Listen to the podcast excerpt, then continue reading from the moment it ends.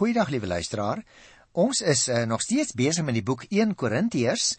Die persone wat gereeld ons program luister, sal onthou dat ek gesê het ons kan die boek eintlik indeel in 4 gerieflike afdelings. Die eerste was die inleiding wat kort was. Toe was daar die tweede afdeling waar Paulus gepraat het oor die kerk en sy probleme en vandag gaan ek begin met die derde hoofafdeling waar Paulus nou sekere vrae wat aan hom gerig is uit die gemeente begin beantwoord. En dit is ook dan die langste gedeelte hierdie derde gedeelte van die boek 1 Korintiërs. Dit strek van hoofstuk 7 vers 1 tot aan die einde van hoofstuk 15. Dit wil sê 15 vers 58. Nou ek gaan 'n redelike lang gedeelte bedag vandag behandel omdat dit 'n een eenheid vorm. Dan kan ons volgende keer met mekaar die Here wil ges gesels oor die ongetroudes en die weduwees wat ook in Hosea 7 voorkom, maar ek gaan net die 24 eerste verse behandel waar hy raad gee oor die huwelik. So hierdie 24 verse vorm dus 'n een eenheid en kom ek maak eers algemene opmerkings daaroor voordat ons dit in detail bespreek. Jy sien die Christene van Korinte het gedurig voor allerlei seksuele versoekings te staan gekom. Sommige daarvan het ek nou al in die vorige programme bespreek.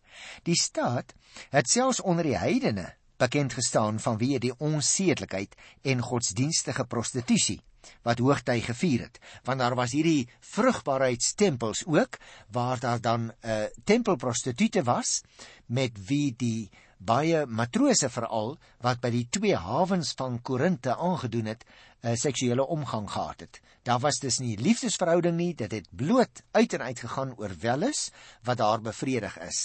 Jy sal miskien nog onthou dat by die inleiding ek uh, ek dink so vir jou gesê dat daar twee hawens was aan weerskante van die stad Korinte aan die een kant Kengree aan die ander kant Legaion.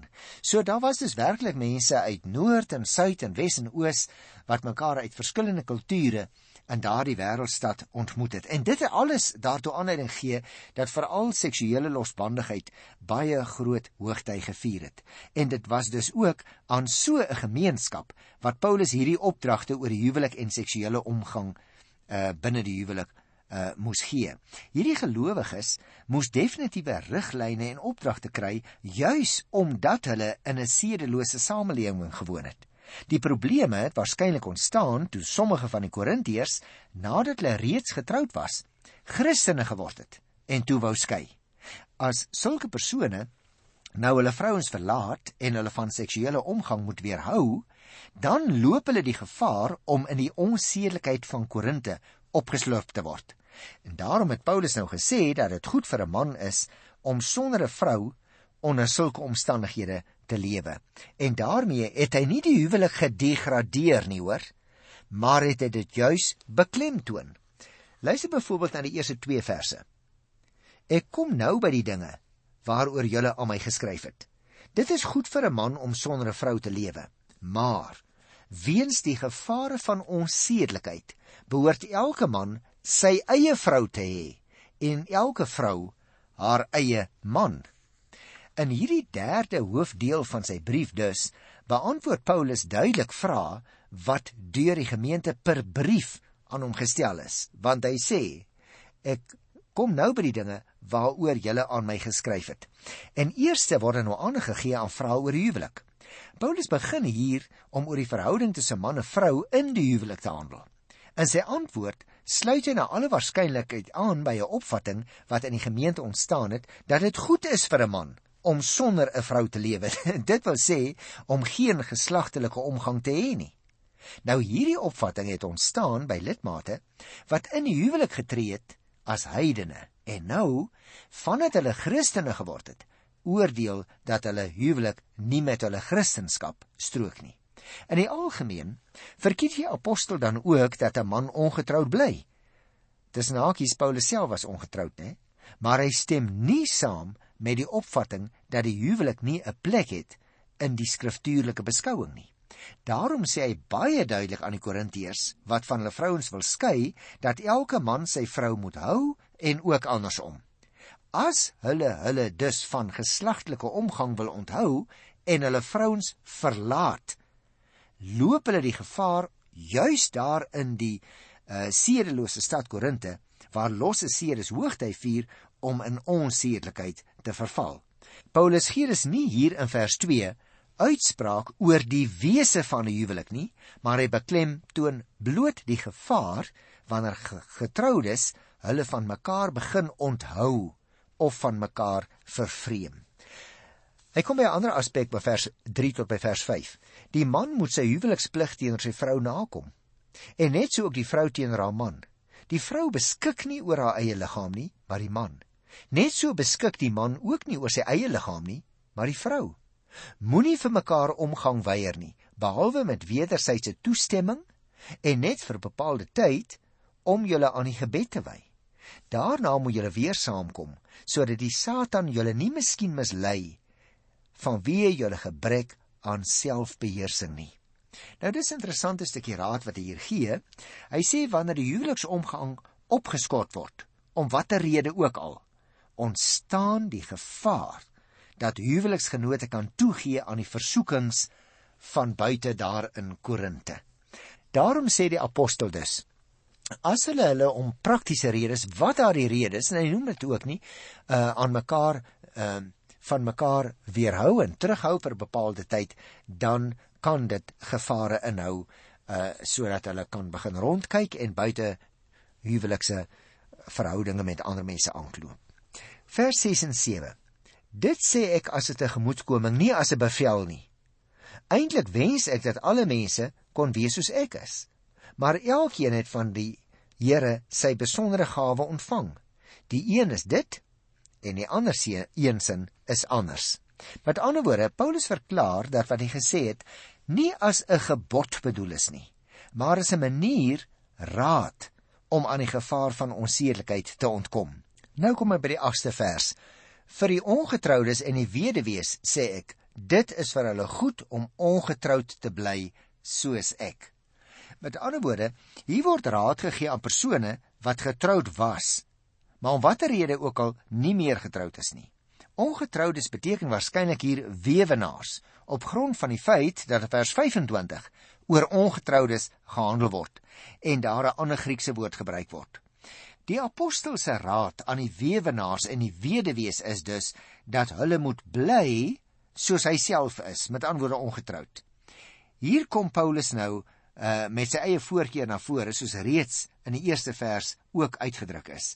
As ons onder ongetroudes weewenaars verstaan en Paulus verkies dat hulle soos hy sal bly, kan ons moontlik aflei dat Paulus ook 'n weewenaar was, maar dit staan nie heeltemal vas nie. Dit word gewoonlik aanvaar dat hy wel 'n ou jong kerel was. Die vermoede word versterk juis deur die Joodse gebruik dat die wat hulle as rabbies laat oplei het in daardie tyd in die huwelik moes tree en kinders verwek. En uh Paulus gee nie daardie indruk van homself nie. Vers 9 sê: "Maar as hulle nie in onthouding kan leef nie, moet hulle trou, want dit is beter om te trou as om deur hartstog verteer te word." Liewe luisteraar, 'n mens moet nie net trou omdat jy seksueel tot iemand aangetrokke voel nie. As jy dit egter so beleef, is dit beter om dan liewer jou hartstogtelike uitinge binne die huwelik uit te leef. Jy sien, sommige van die nuwe gelowiges van Korinte was onder die indruk dat die seksuele as sodanig verkeerd was. En daarom het verloofde pare besluit om liewer nie te trou nie. Paulus wou hulle egter laat verstaan dat hulle nie hulle normale seksuele behoeftes moes misken deur nie te trou nie. Dit beteken egter nie dat mense wat sukkel om hulle hartstogte te beheer met die eerste persoon wat hulle leer ken sommer net gou moet trou nie. Natuurlik nie, dit sou tog law wees. Dit is makliker om seksuele drange te verwerk as om die probleme van 'n ongelukkige huwelik te probeer oplos, nie waar nie? 'n Vals lewe staan in elk geval onder die oordeel van God en dit moet vermy word. In vers 10 sê hy baie duidelik: Die getroudes beveel ek, nee nie ek nie, maar die Here dat 'n vrou nie van haar man mag skei nie. Nou, liewe luisteraar, hier word so 'n kort woordjie gerig tot getroudes wat van mekaar wil skei of reeds as geskeides lewe. Die oorsaak van die egskeiding word nie hier deur die apostel genoem nie.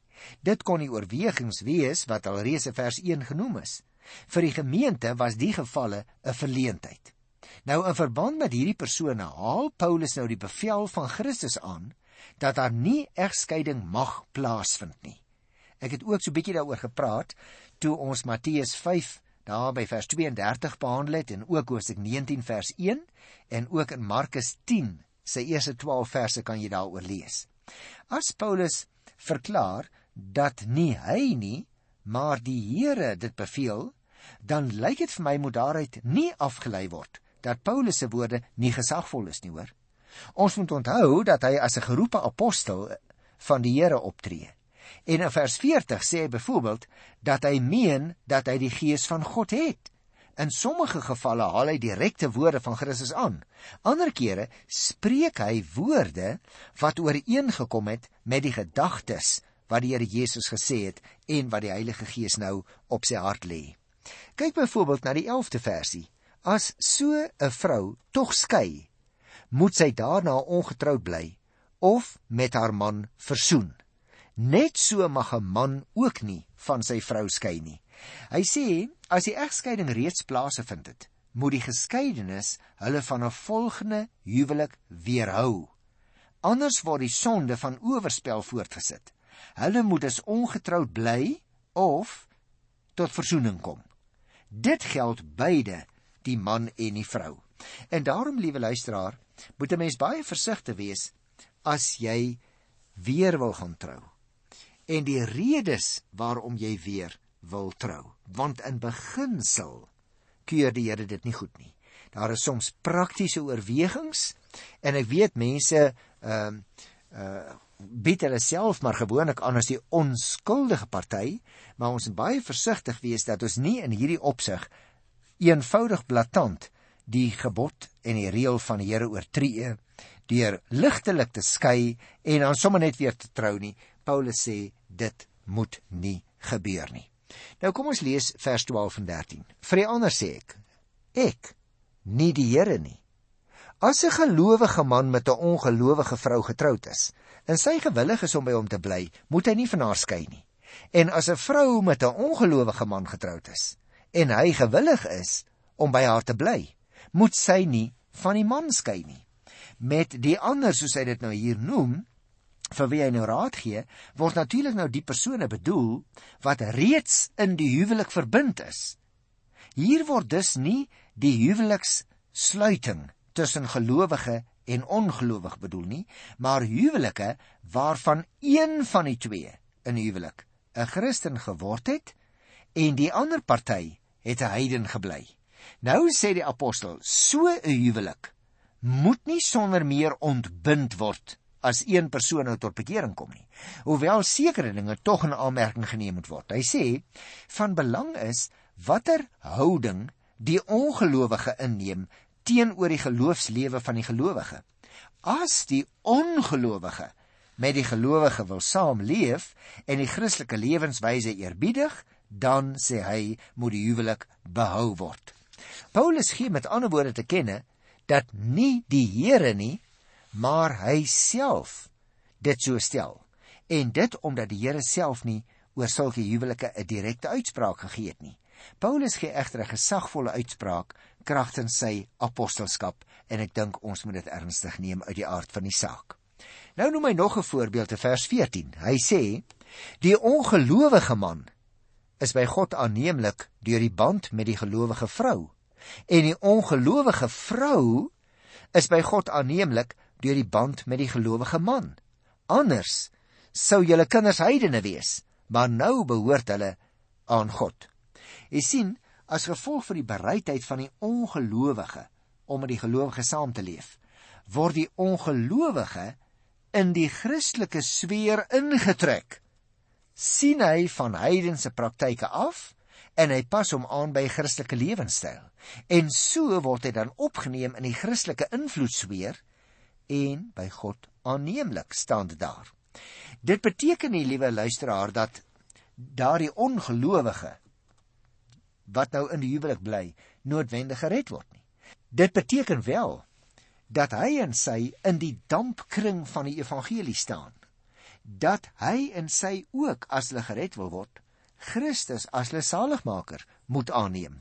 Maar jy kan nie sommer net sê my lewensmaat is nie uh, gelowig nie en daarom wil ek om daardie rede uit die huwelik uitkom nie. Paulus sê dit werk nie so nie. Luister na vers 15 en vers 16.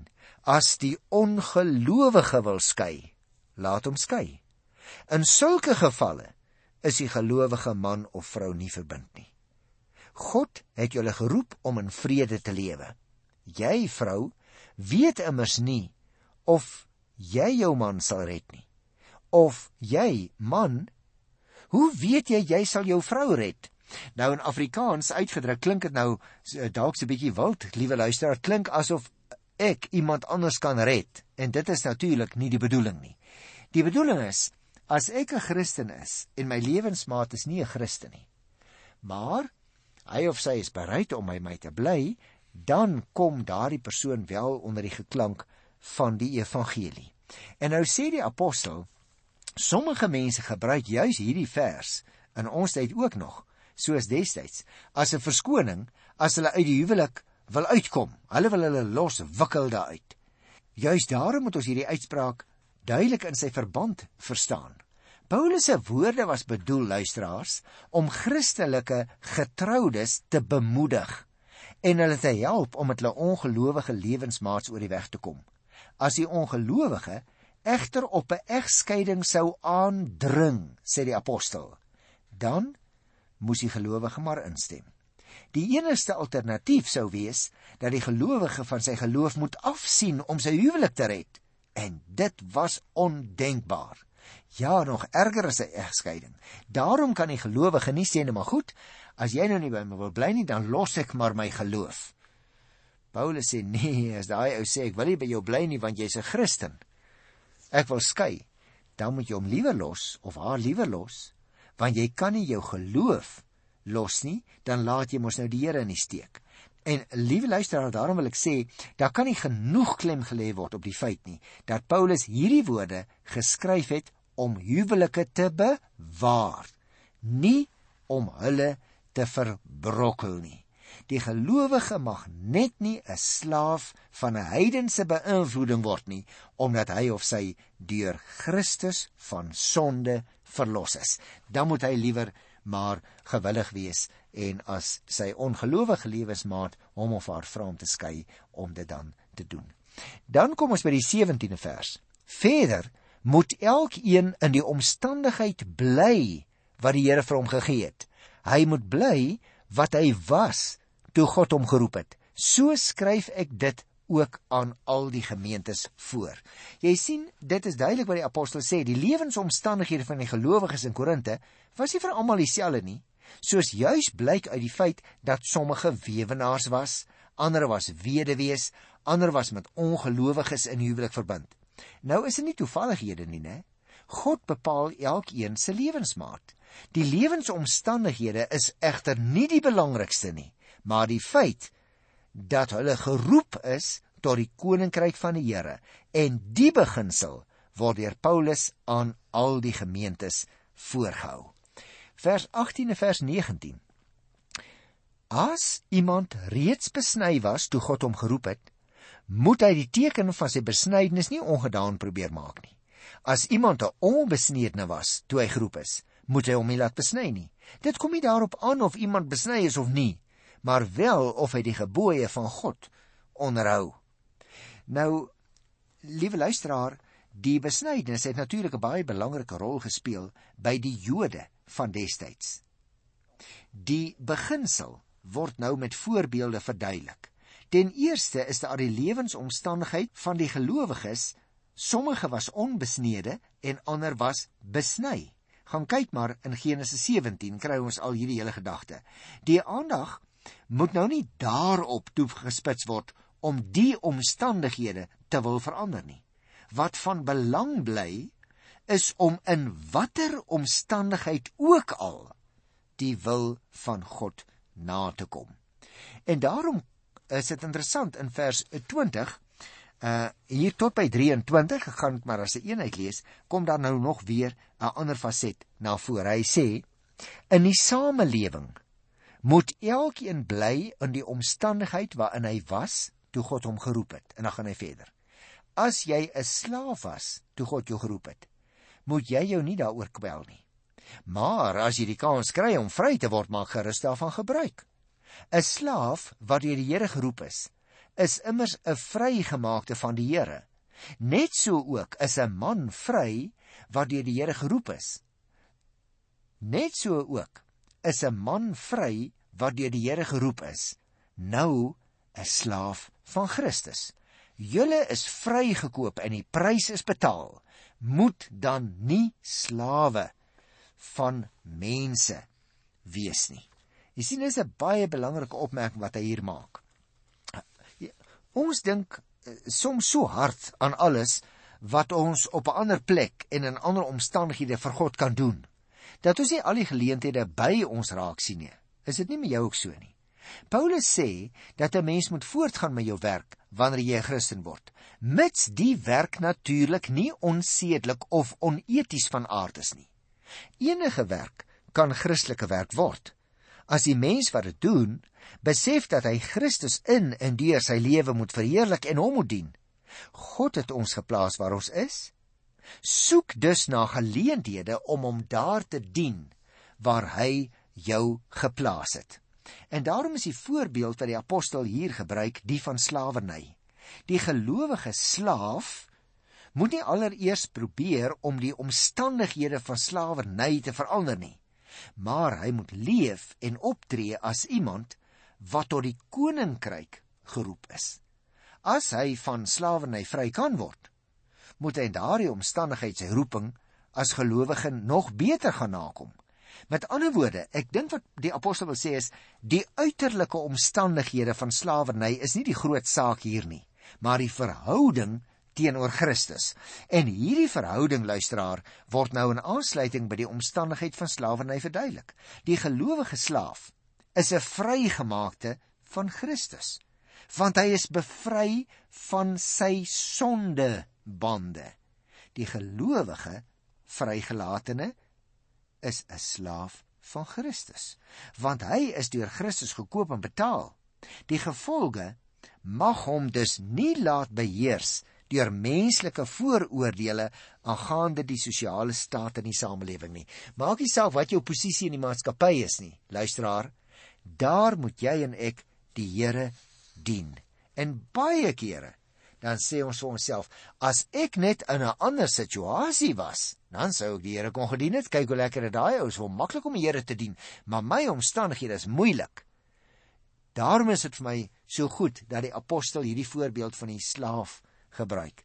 Hy sê kyk, as jy 'n slaaf was toe jy gelowig geword het en dit is nie vir jou moontlik om vry te raak nie, bly 'n slaaf en dien daardie Here. As jy omstandighede makliker kan word en jy kan fisies vry word en nie meer 'n slaaf wees nie, gryp dit aan. En dan dien jy daardie Here in jou nuwe omstandighede.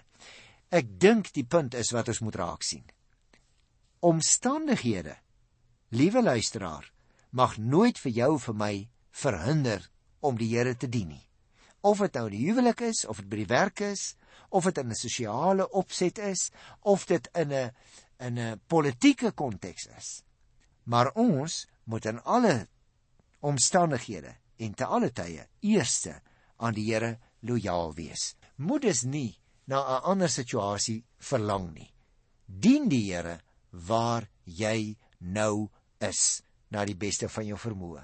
Ek groet jou in sy wonderlike naam tot volgende keer. Totsiens.